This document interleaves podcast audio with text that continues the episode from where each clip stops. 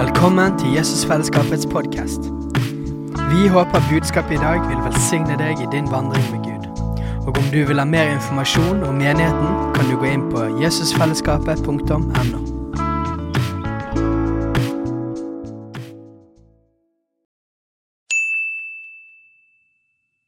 Hei! Visste du at Jesusfellesskapet starter en ny bibelskole til høsten? Den heter Jesusskolen og starter den 3. september. Gå inn på jesusskolen.no for mer informasjon.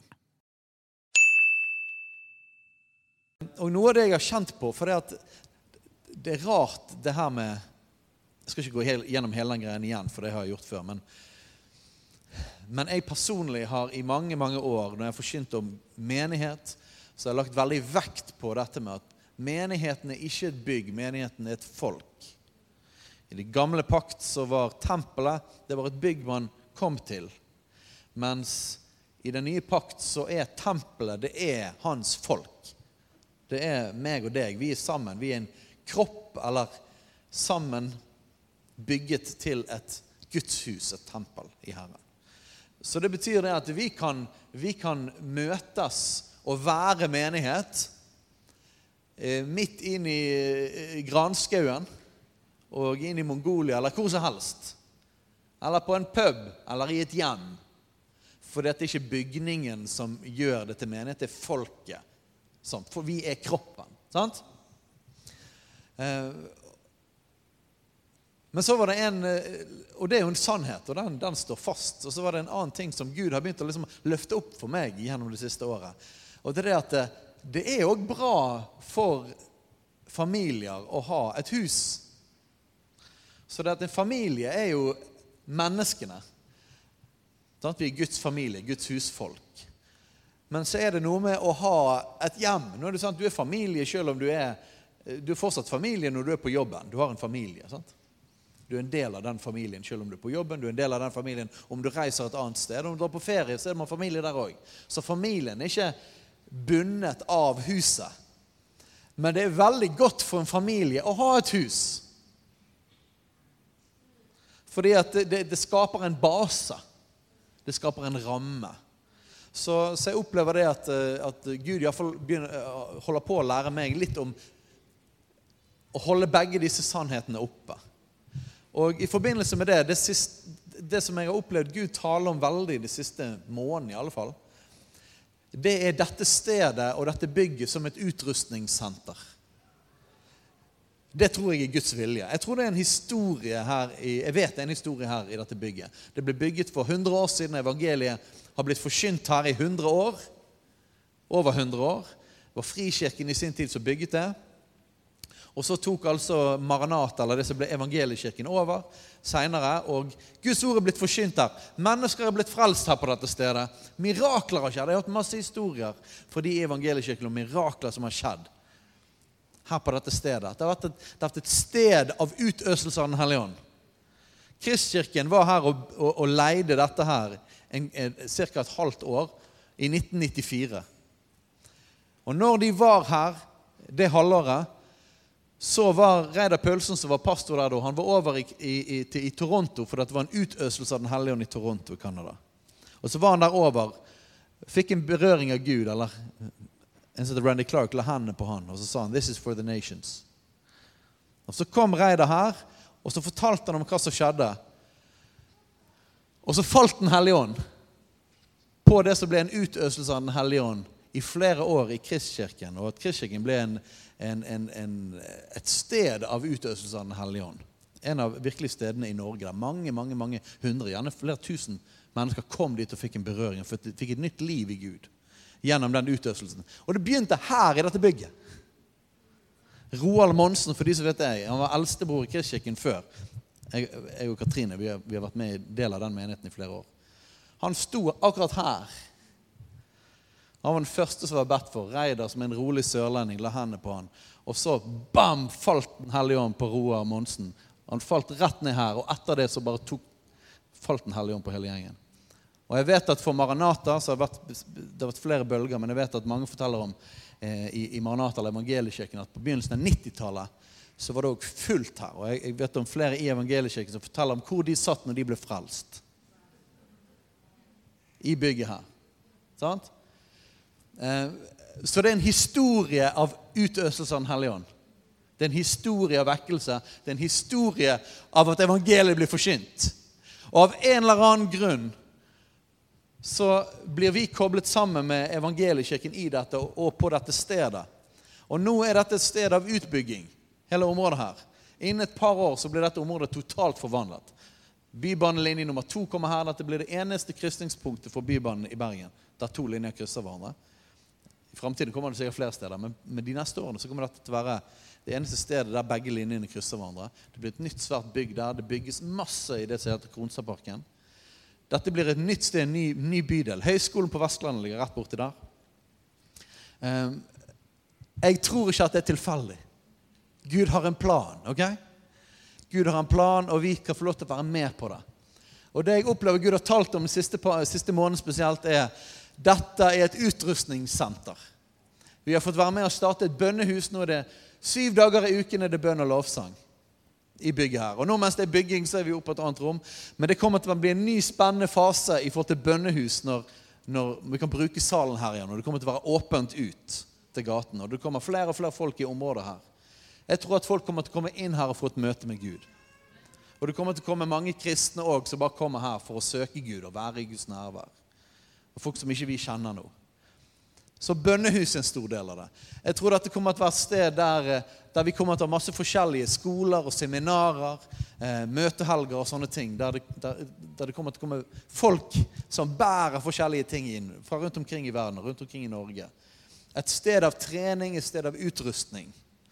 Eh, og jeg er glad for at vi allerede nå i, i, i, i vår så kan vi få lov til å liksom smake litt på det. Per Ivar eh, Vinnes, som er en en profet i landet vårt som vi så vidt har begynt å bli litt kjent med. Eh, nå, nå, når de kommer i februar, så, så, skal de bruke bygget her som base og ha, ha seminar og treningen sitt. Jeg har opplevd at Gud har talt i mange år om at vi skal få være et hjem for profeter. For at profetene de, enten så sitter de inne i en hule et eller annet sted, eller under en haug med stein fordi de er blitt steinet. Eh, og det er veldig lite rom for profetene i landet vårt. Og eh, jeg opplever Gud har sagt at vi skal være et hjem for profeter. Ok? Um, andre ting Ja, vi skal ha en Father Heart-helg. Når var det? Var ikke det helt i, i, i månedsskiftet? Um, uh, April-mai, akkurat i månedsskiftet der. Skal, skal vi ha en Father Heart-helg her. Det blir utrolig bra. Eh, I påsken så skal vi ha påskekonferanse. Jeg har kjent i mange år at vi skal ta tilbake påsken. Og jeg er glad i Kvikk Lunsj. Jeg liker til og med appelsiner. Ski og sånn er jeg ikke helt på. Men det handler ikke liksom om å være anti det. Men, eh, og påskekrim. Familien L på YouTube har jo for så vidt lagd en påskekrim òg. Så vi er ikke imot påskekrim. Men det er et eller annet med at liksom Julen er, Det er veldig kjekt med jul. Og det er klart at skal gå inn i det altså. Men når vi sier, la oss gå tilbake til julens opprinnelige budskap, så er det sånn at ja, det var egentlig ikke de kristne som fant opp jul. Det var en hedensk høytid som handlet om Det var en sånn lys Solen snudde, og vikingene feiret jul. Ok? Men når kristendommen kom, så kristnet man julen. Og det tror jeg var en veldig god idé. Og man fokuserte på Jesus som lyset og Jesus som kom til verden. og Jesus ble født. Han ble nok ikke født i desember. Men, men, det er helt fint. La oss fokusere på Jesus jul. Det er en god idé. Men det er én ting som har vært en feiring hele veien siden israelsfolket gikk ut av Egypt. Og ble feiret videre det Jesus Kristus døde og sto opp igjen i påsken i forbindelse med den, den festen som jødene hadde hatt i lang, lang tid etter de kom ut av Egypt. Hvis det er en høytid vi skal burde feire, som kristne, så er jo det påsken. Så jeg har kjent et hjerte for, vi har snakket om det i flere år, at vet du hva? det er noe med å ta påsken tilbake og ha, ha påskemåltid. Og ha langfredag og forkynne Jesu kors. Og ha Skal vi gjøre noe gøy på lørdagen? Og så å forkynne Jesu oppstandelse på søndagen. Så vi har tenkt å ha det. Jeg lurer på om det hadde vært gøy å ha en lørdag kveld. Så kunne vi hatt samling der vi inviterer ufrelste folk, og vi får inn en evangelist og forkynner evangeliet. Det er bra å bli frelst i påsken, ikke eh, sant? Vi kan ha nattverd på, på, på, torsdag kveld. Vi kan ha korset på, på, fredag for å komme dypere inn i evangeliet for oss sjøl. Så kan vi forkynne oppstandelse på søndag, og så har vi dåp. Er det ikke bra? Jeg har lyst til at, vi skal, at vi skal, påskefeiring skal bli en stor ting for oss. Og Hvis du blir nervøs og tenker at vi pleier alltid å være på hytten med familien, det går greit. Men det er mange som er her i byen òg. Og kanskje til og med dette blir så kjekt etter hvert når vi gjør dette år etter år etter år, at det blir sånn at man legger inn hyttegreiene i begynnelsen av påsken. Og så kommer man på påskekonferanse på slutten. ok? Så påskekonferanse. Og vi skal òg i år ha, som vi har hatt de siste årene, 40 dagers Jesusfaste i det som er fastetiden. Og det er ikke sånn at du må faste, eller det betyr heller ikke at du må faste fra mat i 40 dager. Det er en god anledning for de som ønsker å gjøre det. Faste enten i 40 dager eller 21 dager eller en uke. eller noe sånt som det. Men vi skal ha det uansett som en årlig tid av innvielse. Og så fins det masse herlige ting som vi kan få lov til å legge til siden. Du vet at Faste handler ikke om å, å, å, hovedsakelig å vende om fra synd. Omvendelse fra synd er en bra ting. Men dette er å legge til side ting som egentlig er bra for å bare komme dypere i relasjon med Gud. Så det er en kjempeanledning til å for ta en pause fra sosiale medier. Jeg, eh, jeg veldig, leser veldig mye nyheter, så jeg trenger å ta en pause fra nyheter. Ting som Den hellige måtte legge på deg. da.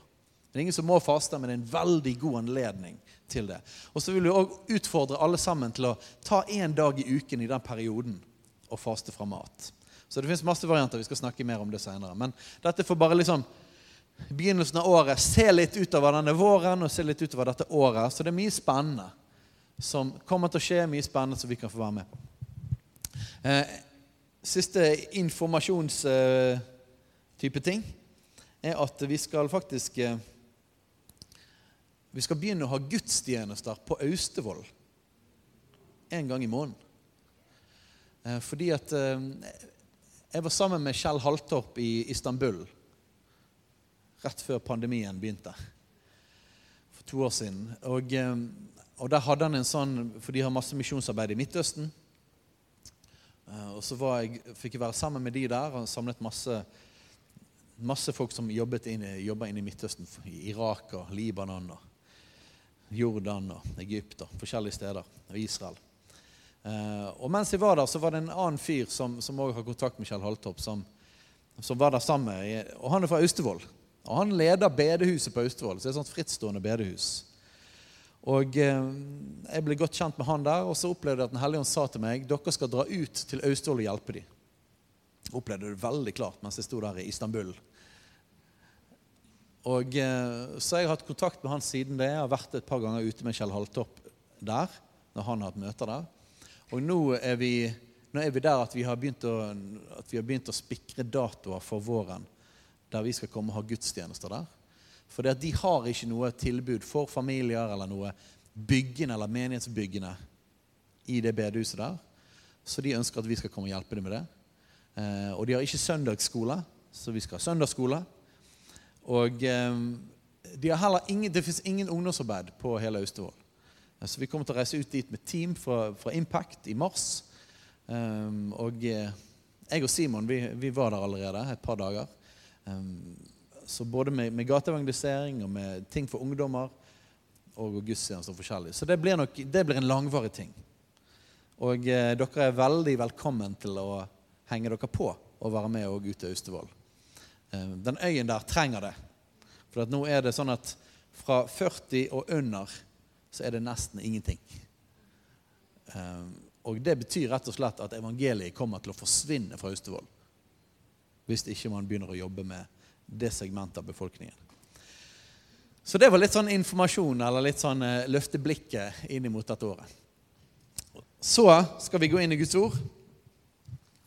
Da kan vi slå opp i Kolosserbrevet.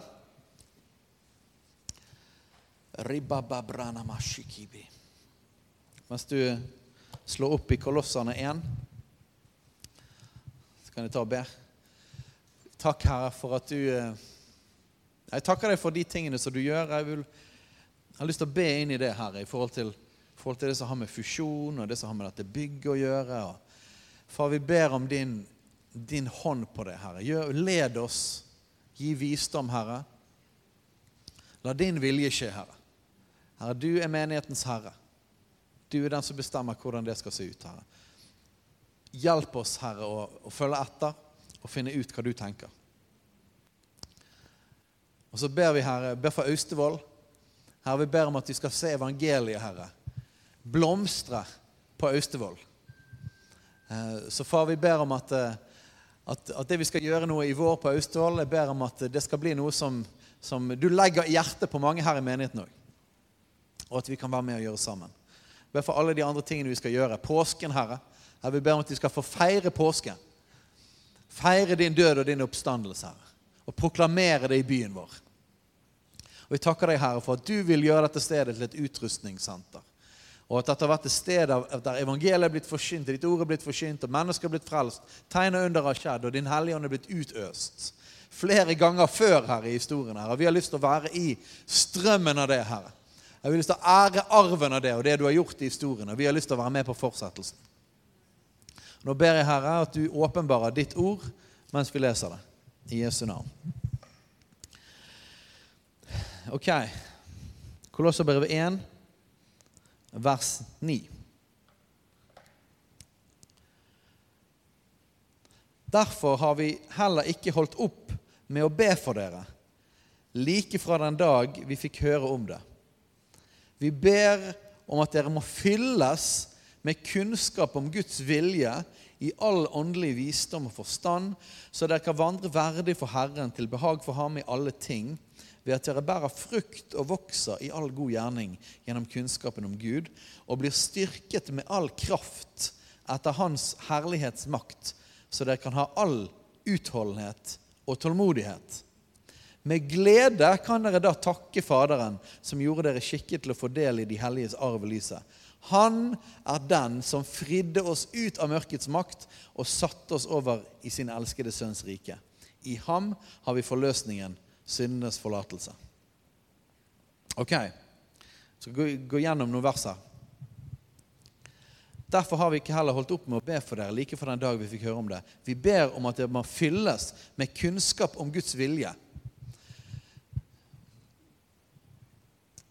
Jeg vet ikke om dere har tenkt på det eller dere har hørt undervisning om det, men det, det er to ord på gresk som blir oversatt kunnskap i Det nye testamentet. Det er gnosis og epignosis.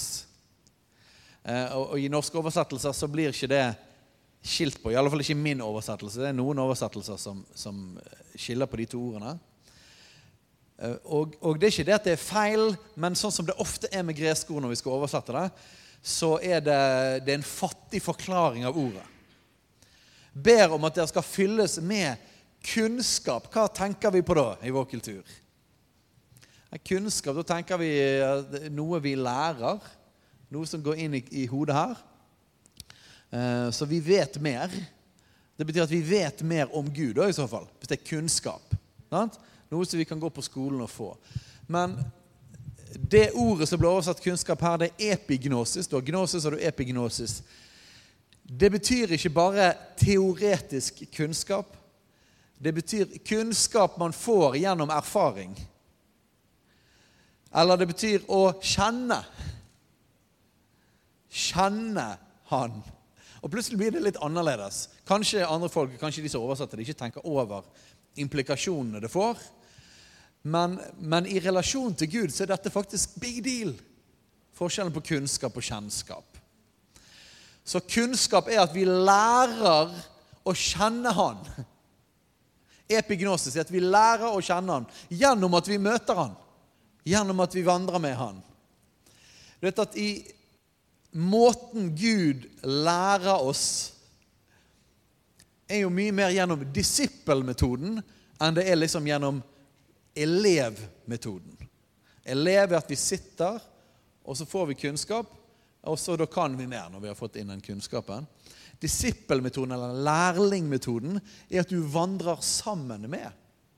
Og så, og så blir du kjent med, og så eh, ser man hvordan i, i lærling-mesterforholdet da, Så ser man hvordan han gjør det, fordi at man lever sammen med, bruker tid sammen med. Og så lærer man gjennom observasjon, gjennom relasjon, gjennom erfaring. Også i hele denne konteksten av at han, han gjør noe, og så prøver vi å gjøre det samme. Eh, og, og så kan han hjelpe oss når vi prøver oss sjøl, og så er det en relasjonell ting. Det er ganske annerledes. Så epignosis betyr kjennskap, eller kunnskap vi får gjennom erfaring. Så vi ber om at dere må fylles med Istedenfor kunnskap Guds, om Guds vilje, så er det jo egentlig bedre å si at dere fylles med kjennskap til Hans vilje. Så hvordan er det vi kjenner Hans vilje? Jo, det er jo gjennom at vi kjenner Han. Ikke det? Så Vi ber om at dere må fylles med kjennskap, epignosis, om Guds vilje, i all åndelig visdom og forstand, så dere kan vandre verdig for Herren, til behag for Han i alle ting, ved at dere bærer frukt og vokser i all god gjerning gjennom igjen. Her står det kunnskapen. Gjennom kjennskapen til Gud, ikke kunnskapen om Gud. Hvorfor er dette viktig? Fordi at kunnskap om det som er rett og galt, har ingen transformerende effekt i seg sjøl. Det at vi vet hva som er hans vilje. For her står det at frukten av dette, frukten av at vi skulle få epi, at vi skulle fylles med epignosis Frukten av epignosis var at vi skulle vandre verdig for Herren til behag for Han. Men hvis nøkkelen til å vandre verdig for Herren til behag for Han i alle ting, er mer kunnskap om hva som er rett, så det er ganske annerledes enn hvis det er kjennskap til Han. Og jeg vet jo Dere har hørt det før, dere har hørt undervisning om helliggjørelse og etterfølgelse. Og Bruce var inne i disse tingene forrige søndag.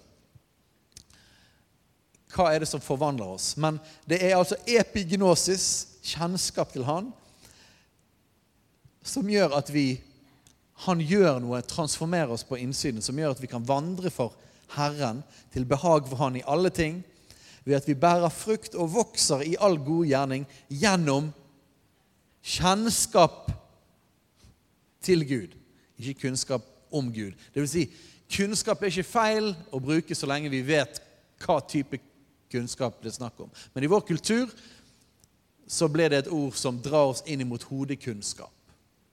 I hebraisk kultur eh, så hadde de en lærlingkultur, ikke en teoretisk kultur. Eh, så, det var nok ikke samme Hele, hele, rammen for deres forståelse av hva kunnskap var, eller kjennskap var, var ikke så på en måte splittet som i vår kultur. Sant? For vi, vi, tenker at vi kan ha kunnskap uten å ha kjennskap. I hebraisk kultur var det en, en veldig fremmed ting. Kunnskap kom alltid gjennom vandring, gjennom relasjon. Du lærte av din mor, du lærte av din far, du lærte av din bestefar, du lærte av en rabbi, du lærte av en, en som du var disippel av. En lærlingkultur. Så vi vokser i all god gjerning gjennom kjennskapen til Gud og blir styrket med all kraft. Paulus skriver en del ganger sånne her ganske heftige ord i begynnelsen av Efeserbrevet står det at vi er velsignet med all åndelig velsignelse i himmelen. Og Det er sånne ting som man nesten, jeg bare nesten må hoppe over, for dette er så voldsomt. All åndelig velsignelse. Ok. Og her står det 'styrket med all kraft'. Dere vet hvem sin kraft dette er snakk om, sant? Så dette er altså ikke min kraft. Dette er hans kraft. Vi kan altså bli sånn at vi blir styrket med all kraft. All kraft er masse. Og Istedenfor å prøve å lage et konsept ut av liksom hvor stor er all kraft, og hvordan ser det ut, så kan vi si det, bryte det ned på den måten og si at det er plenty til hver eneste en av oss. ikke det? Så det betyr at i alle situasjoner der vi trenger kraft Er det noen, er det noen andre meg som gjør det? Trenger hans kraft, hans liv, hans styrke. Det betyr at det er overflod for hver eneste en av oss. Men det kommer gjennom epignosis. Det kommer gjennom kjennskap. Gjennom kjennskapen til Gud, styrket med all kraft. Etter Hans herlighetsmakt. Hva er det for noe? herlighetsmakt, det er altså eh, all kraft, det er det vi kan få til å bli styrket med. Hans herlighetsmakt, det er liksom lageret han tar av, da. Så hans herlighetsmakt Jeg vet ikke hva det, hva det er engang, men det er et eller annet herlig.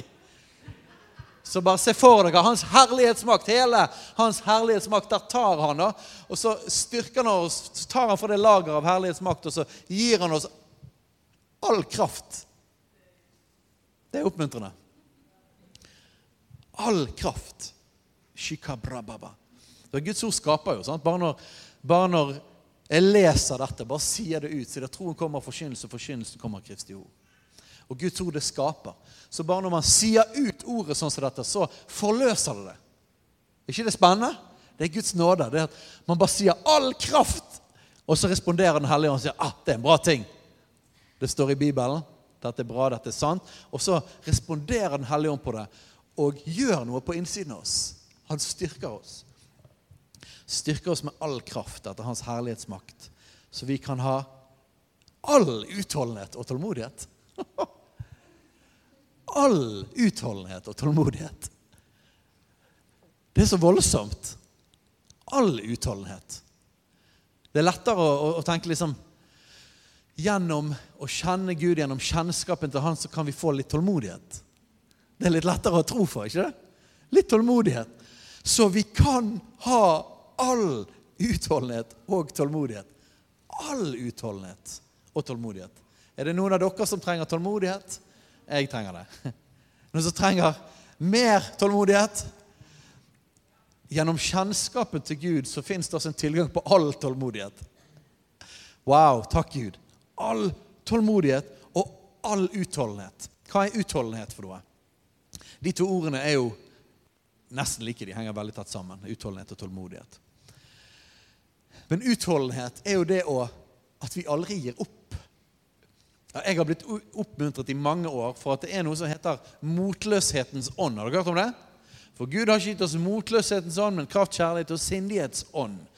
Så Gud har ikke gitt oss motløshetens ånd, så hvem er da motløshetens ånd? Hvem er, hvem er, hvem er som kommer med den, da? Ja, det er jo djevelen. Men dette syns jeg er oppmuntrende. Tenk på dette. Når Gud kommer med La oss si at Gud kommer med livets ånd. Det står om livets ånd. sant?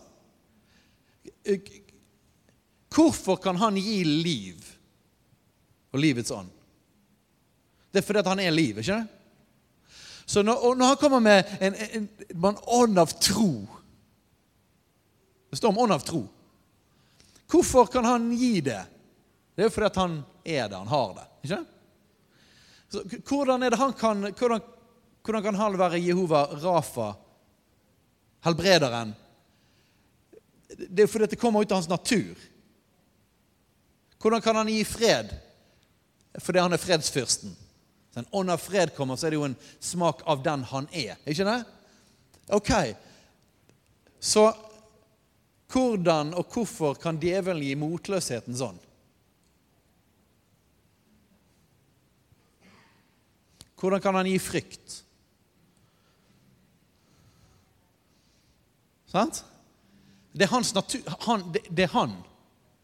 Så, så, motløshetens ånd kan komme og påvirke oss med det vesenet det motløshet er. Skjønner dere? Ok, Hvorfor er dette oppmuntrende, da? Det betyr at det er han som er motløs.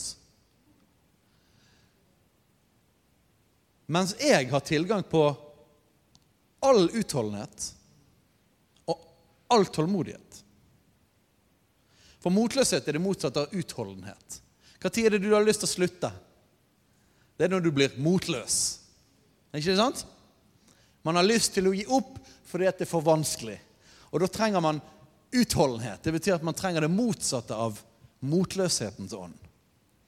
Men djevelen kan bare komme og gi det han er, og Gud kan bare komme og gi det han er. Så i epignosis, i kjennskapen til han, så er det tilgang på all utholdenhet og all tålmodighet. tålmodighet. Og det bryter av motløshetens ånd. Jeg vet ikke om dere trenger å høre det, men jeg trenger å høre det. For at motløshetens ånd kan prøve, prøve, seg på mine tanker og mine følelser jevnlig. Er det noen andre som har opplevd det? Og det er ikke liksom på gode dager motløshet kommer. er det? Motløshet kommer når man, syns det er vanskelig. Og så får man lyst til å slutte. Så djevelen kommer jo veldig ofte med det som er vanskelig, og så gir han motløshet i tillegg. Men gjennom epignosis, gjennom kjennskapen til Gud, så har vi altså tilgang på all utholdenhet og all tålmodighet. Jeg har lyst til å bare hoppe midt inn i det verset. Bare hoppe litt til slutten på Galaterne og åndens frukt. Dette var en ting som jeg sikkert burde skjønt for lenge siden. men og Jeg forsto for så vidt konseptet gjennom andre skriftsteder. Men jeg hadde ikke koblet det på akkurat åndens frukt eh, før for et par år siden. Da står det altså i Galaterne 5,22. Mange av dere kjenner sikkert dette godt. Der står det at men åndens frukt er kjærlighet, glede, fred, langmodighet, mildhet, godhet, trofasthet, sanktmodighet, avholdenhet. Ok. Måten jeg har tenkt rundt åndens frukt før, det har vært at åndens frukt er at eh, gjennom at vi vandrer med Han, så får det visse resultater i livet vårt. Sant? Det er frukten av ånden som jobber i oss. Sant? Så åndens frukt er primært noe som da kommer ut av oss. Sant? Jeg ser, for meg sjøl som et tre med en grein, og så kommer det frukt ut av meg. Hvis ånden virker i meg, så kommer det frukt ut av meg, og det er åndens frukt. Er dere med på det? Og det er ikke noe feil i det. Men, men, fokuset mitt har primært vært på Ja, selvfølgelig, det er åndens frukt, så det er virket av ånden, men fokuset mitt har vært mer sånn at det kommer ut av meg. Og det er ikke feil, men det er veldig viktig å få med seg denne siden av saken òg. Fordi at åndens frukt er ikke primært bare en livsstil som kommer ut av deg. Åndens frukt er egenskaper som ånden har som betyr at før du bærer åndens frukt, så må vi spise åndens frukt. Og hvis fokuset primært er på frukten som kommer ut av meg, og ikke på spisingen av åndens frukt fra ånden, så får ikke vi med liksom den første biten, selv om vi skjønner at det, det kommer jo fra ånden. Ok, Hva betyr dette? Det betyr at hvis åndens frukt, dette er frukter av Den hellige ånd Hvis åndens frukt er kjærlighet, f.eks., så er ikke det bare kjærlighet som kommer ut av deg. Det er kjærlighet som kommer ut av Han. Det kommer åndens frukter, det kommer frukter ut av Den hellige ånd, som er kjærlighet. Og hvordan er det vi skal Hvordan, hvordan er det det funker det at kjærlighet kommer ut av oss? Jo, det er at vi spiser av frukten som kommer ut av Han. Så fokus i åndens frukt kan ikke primært være i hva som kommer ut av oss. Og hvis vi vektlegger det for mye, så er det jo lett å gå over i at det er noe vi skal produsere. Men hvis vi vektlegger primært at åndens frukt er noe vi skal spise, så blir jo vi fylt av det. Blir ikke vi det? Det vi spiser, spiser blir vi fylt av. Så hvis åndens frukt er kjærlighet, så betyr det at han har massevis av kjærlighetsfrukt som jeg kan spise. Og hvis du mangler, hvis du kjenner det at 'jeg trenger å spise kjærlighetsfrukt', så er det tilgjengelig kjærlighetsfrukt. Hallo? Skjønner dere hva jeg snakker om? Åndens frukt er primært noe vi spiser av Han. Og når vi spiser av Han, så blir det en del av oss, og så begynner det å komme ut av oss òg. Men det er akkurat at den prosessen er det ikke så vi, vi kan ikke gjøre så mye med den. Det at det kommer ut av oss. Blir vi fylt av det, så kommer det ut. Det er hjertet fylt av det taler, taler munnen. Ikke sant? Så fokuser på spisingen, ikke produseringen. Sant?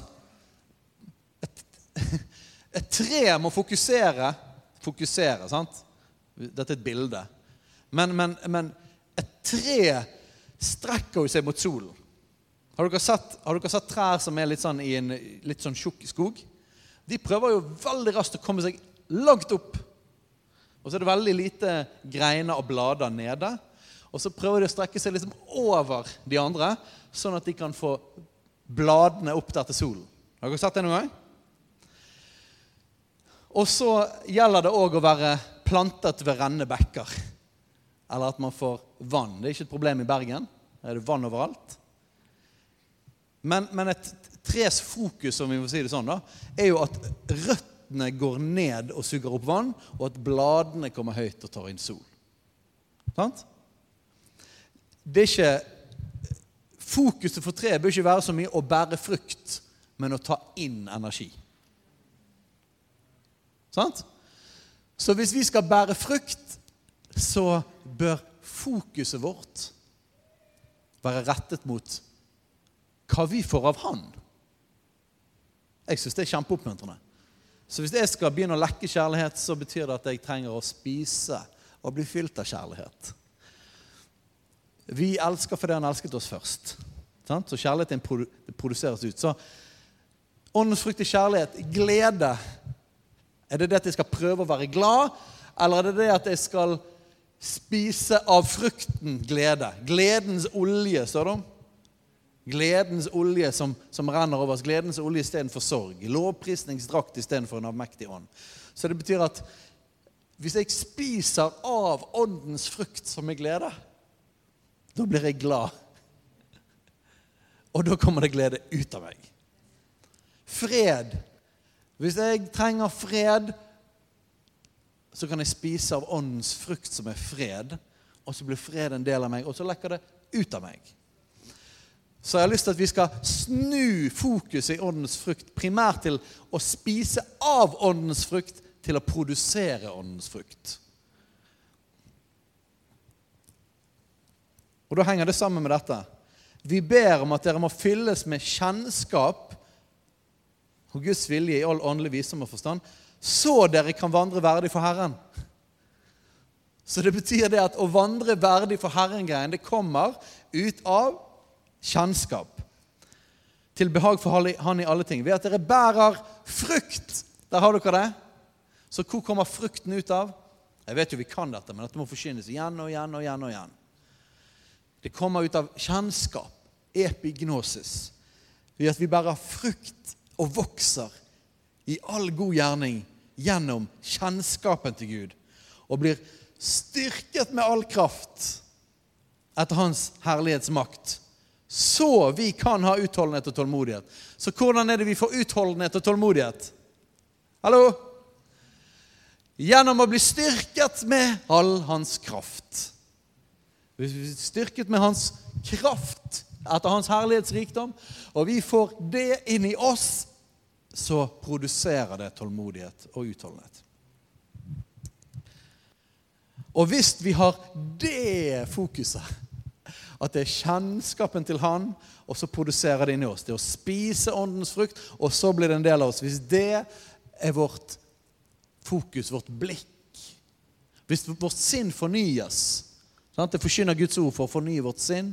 For at han Helligånd hele tiden og Guds ord hele tiden kan jobbe med vårt sinn, sånn at, sånn at løgner som kommer inn, kan justeres. Sant? Sånn at vårt sinn kan Sånn at vi kan tenke som sannheten, tenke som Guds ord. Og det gjør at vi kan ha blikket på Han. Så slipp tak i produksjon av frukt. Slipp tak i å bli forvandlet og rett blikket på Han. Epignosis. Spise frukt av Han. Og hvis vi gjør det, hvis det er rekkefølgen, så blir det sånn som i vers 12. Med glede kan dere da Hvis dere gjør det, så kan dere takke Faderen. Halleluja. Takk, Far. Som gjorde dere skikket til å få del i de helliges arv i lyset. Og så er det en herlig sånn herre proklamasjon av evangeliet etterpå her. Han,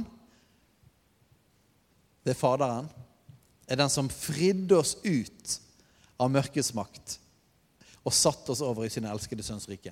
Bare til påminning om evangeliet, folkens. Hvem var det som fridde oss ut? Var det vi sjøl som slet oss løs fra fangenskapet? Var det vi sjøl som rømte fra fangeleiren? Nei. Han kom og fridde oss ut. I dette er kjærligheten. Ikke at vi har elsket Gud, men at Han har elsket oss og ga sin sønn til soning for våre synder. Eller Jeg tar veldig ofte dette verset. Vi får ta det i dag òg. Romerne 5.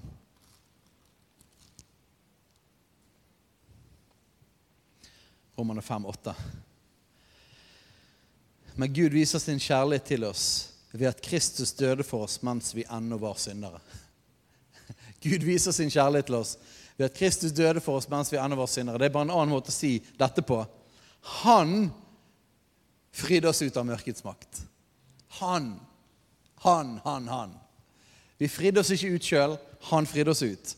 Han er den som fridde oss ut av mørkets makt og satte oss over i sin elskede sønns rike. Ikke det, jeg syns det er deilig å bare føle det at han bare tok meg, løftet meg opp, og så satte han meg over i sin elskede sønns rike.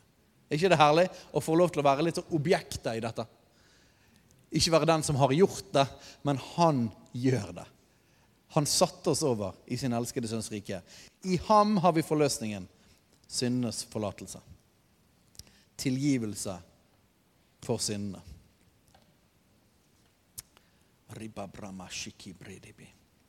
Jeg skal ta siste vers, så skal vi bare be på slutten igjen.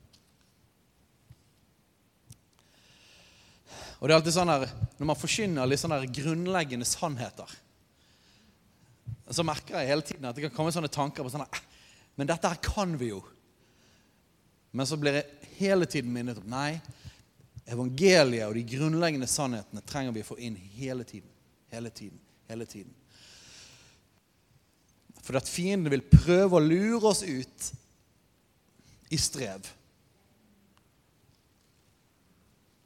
Og så tar det kreftene fra oss.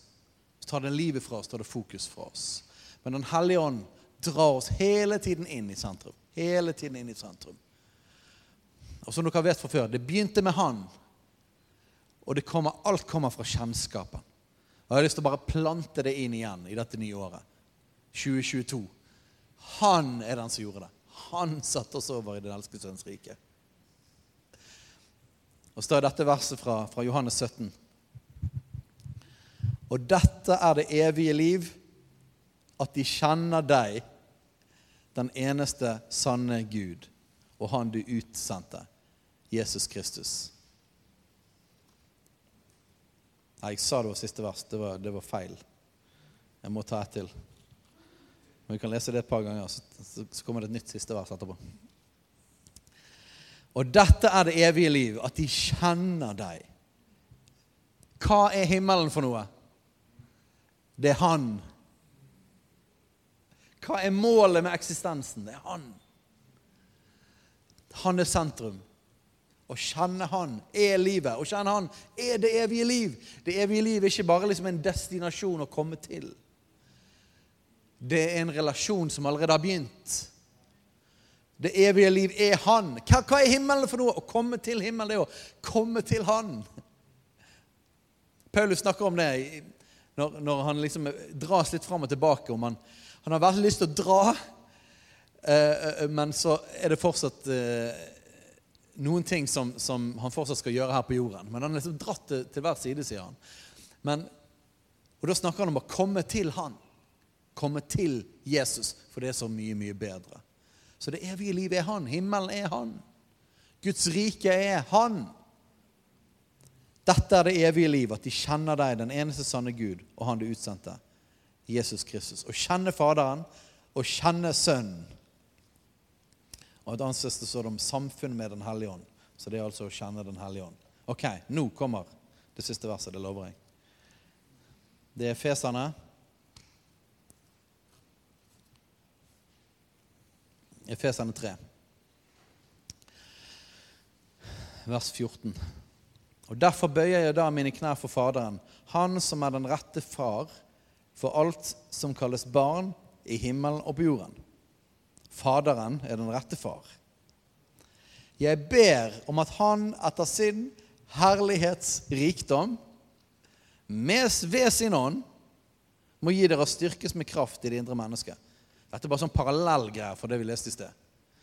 Så han ber altså om at Paulus ber veldig mye om dette her. At vi skal styrkes på innsiden gjennom han. Og gjennom det så skjer det masse bra ting. Så jeg ber om at etter Hans herlighets rikdom Hva er det for noe? Det er lageret som han tar av. Hans herlighets rikdom. Høres det bra ut? Massevis av herlighetsrikdom. Så det er lageret han tar av. Masse herlighetsrikdom, og så tar ved sin ånd. Det betyr at det, det skjer gjennom Den hellige ånd. Så det betyr at Den hellige ånd kommer og så øser ut fra herlighetsrikdom i himmelen. Og så tar med seg herlighetsrikdom. Ved sin ånd må gi dere å styrkes med kraft i det indre mennesket. På innsiden. Hva var det sto i kolossene? All kraft. All kraft. Her står det å styrkes med kraft i det indre mennesket etter hans herlighetsrikdom. Så det betyr at det, det er plenty av kraft å bli styrket med i det indre mennesket. Det er plenty på lager. Og at Kristus må bo ved troen i deres hjerter for at dere er rotfestet og grunnfestet i kjærlighet, sammen med alle de hellige, kan være i stand til å fatte hva bredde og lengde og dybde her er. Og at dere må kjenne Kristi kjærlighet. Her er det oversatt 'kjenne'. At dere må kjenne Kristi kjærlighet som overgår all kunnskap. Her ser man hele det poenget som jeg prøvde å understreke i, fra kolossene. Kjenne Kristi kjærlighet som overgår all kunnskap. Vi snakker ikke ned kunnskap, eller egentlig jeg snakker litt ned kunnskap. Jeg snakker ned kunnskap for å være på nummer én. Men jeg er veldig glad i kunnskap. Jeg er veldig lærehungrig. Jeg, sitter og, jeg har lest leksikon siden jeg var liten. Jeg elsket å gå gjennom leksikon, bare lære masse, masse, masse ting. Jeg elsker å lære ting. Men kunnskap er faktisk under kjennskap. Og kunnskap kommer gjennom kjennskap. Og virkelig kunnskap, visdoms- og og virkelig kjenne Han og få riktig kunnskap om hvem han er òg, i hodet, kommer gjennom kjennskap. Det er ikke tilgjengelig uten kjennskap. Vi kan ikke gjennom kunnskap, gjennom hodet, lære han å kjenne. Og Da blir kunnskapen vår feil. Men kunnskapen som kommer fra kjennskap, den blir rett. Så, så, så vi får kunnskap om det er en frukt. Ved at dere må kjenne Kristi kjærlighet som overgår all kunnskap. Det jeg ser for meg alltid når jeg leser det verset, er Har dere sett en sånn her eh, kortslutning? Det bare blir for mye, og så bling, så går det. Eller se for meg en, en sånn lyspære. Noen som har sett en lyspære som bare får liksom mer og mer og mer, mer, mer strøm? Så bare begynner å lyse mer og mer, og mer, og så knuser han. Jeg ser for meg det. Kjenne Kristi kjærlighet som overgår all kunnskap. Det er akkurat som at eh, du blir satt på noen sånn her eh, og så bare skrur han opp sin godhet og kjærlighet og nåde og kraft helt til at liksom kortslutter hodet. Det blir for mye. Det høres negativt ut. Det er, ikke, det er ikke meningen at det skal være negativt. Men det tar meg til et annet sted. Hodet er ikke noe begrensning lenger. Kjenne Kristi kjærlighet som overgår all kunnskap. Så dere kan bli fylt til hele Guds fylde. Hele?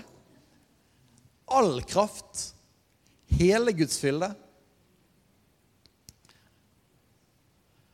Når det står store ord, så, så, blir det lett at det blir bare liksom fjernt og vanskelig å forholde seg til. Og Derfor liker jeg å ta det ned til praksis. Det betyr at i mitt liv, på min dag og i din dag, i din situasjon, i alle våre situasjoner, med alle våre utfordringer og positive ting og negative ting og alt, så fins det plenty av kraft i all kraft. Og det fins plenty av frukt å spise over åndens frukt. Og i hele Guds fylde så betyr det at det fins plenty til oss. Og alt kommer gjennom epignosis, kjennskap til Han. Hei, alle sammen. Det er Katrine og Steinar Lofnes her. Vi er hovedledere for Jesusfellesskapet. Så kjekt du har lyttet til denne podkasten. Har du forresten hørt noen av de andre podkastene våre? Ukens tale, Disippelskolen, Hyrdepodden, Kulturkrigen og Mammas hjerte.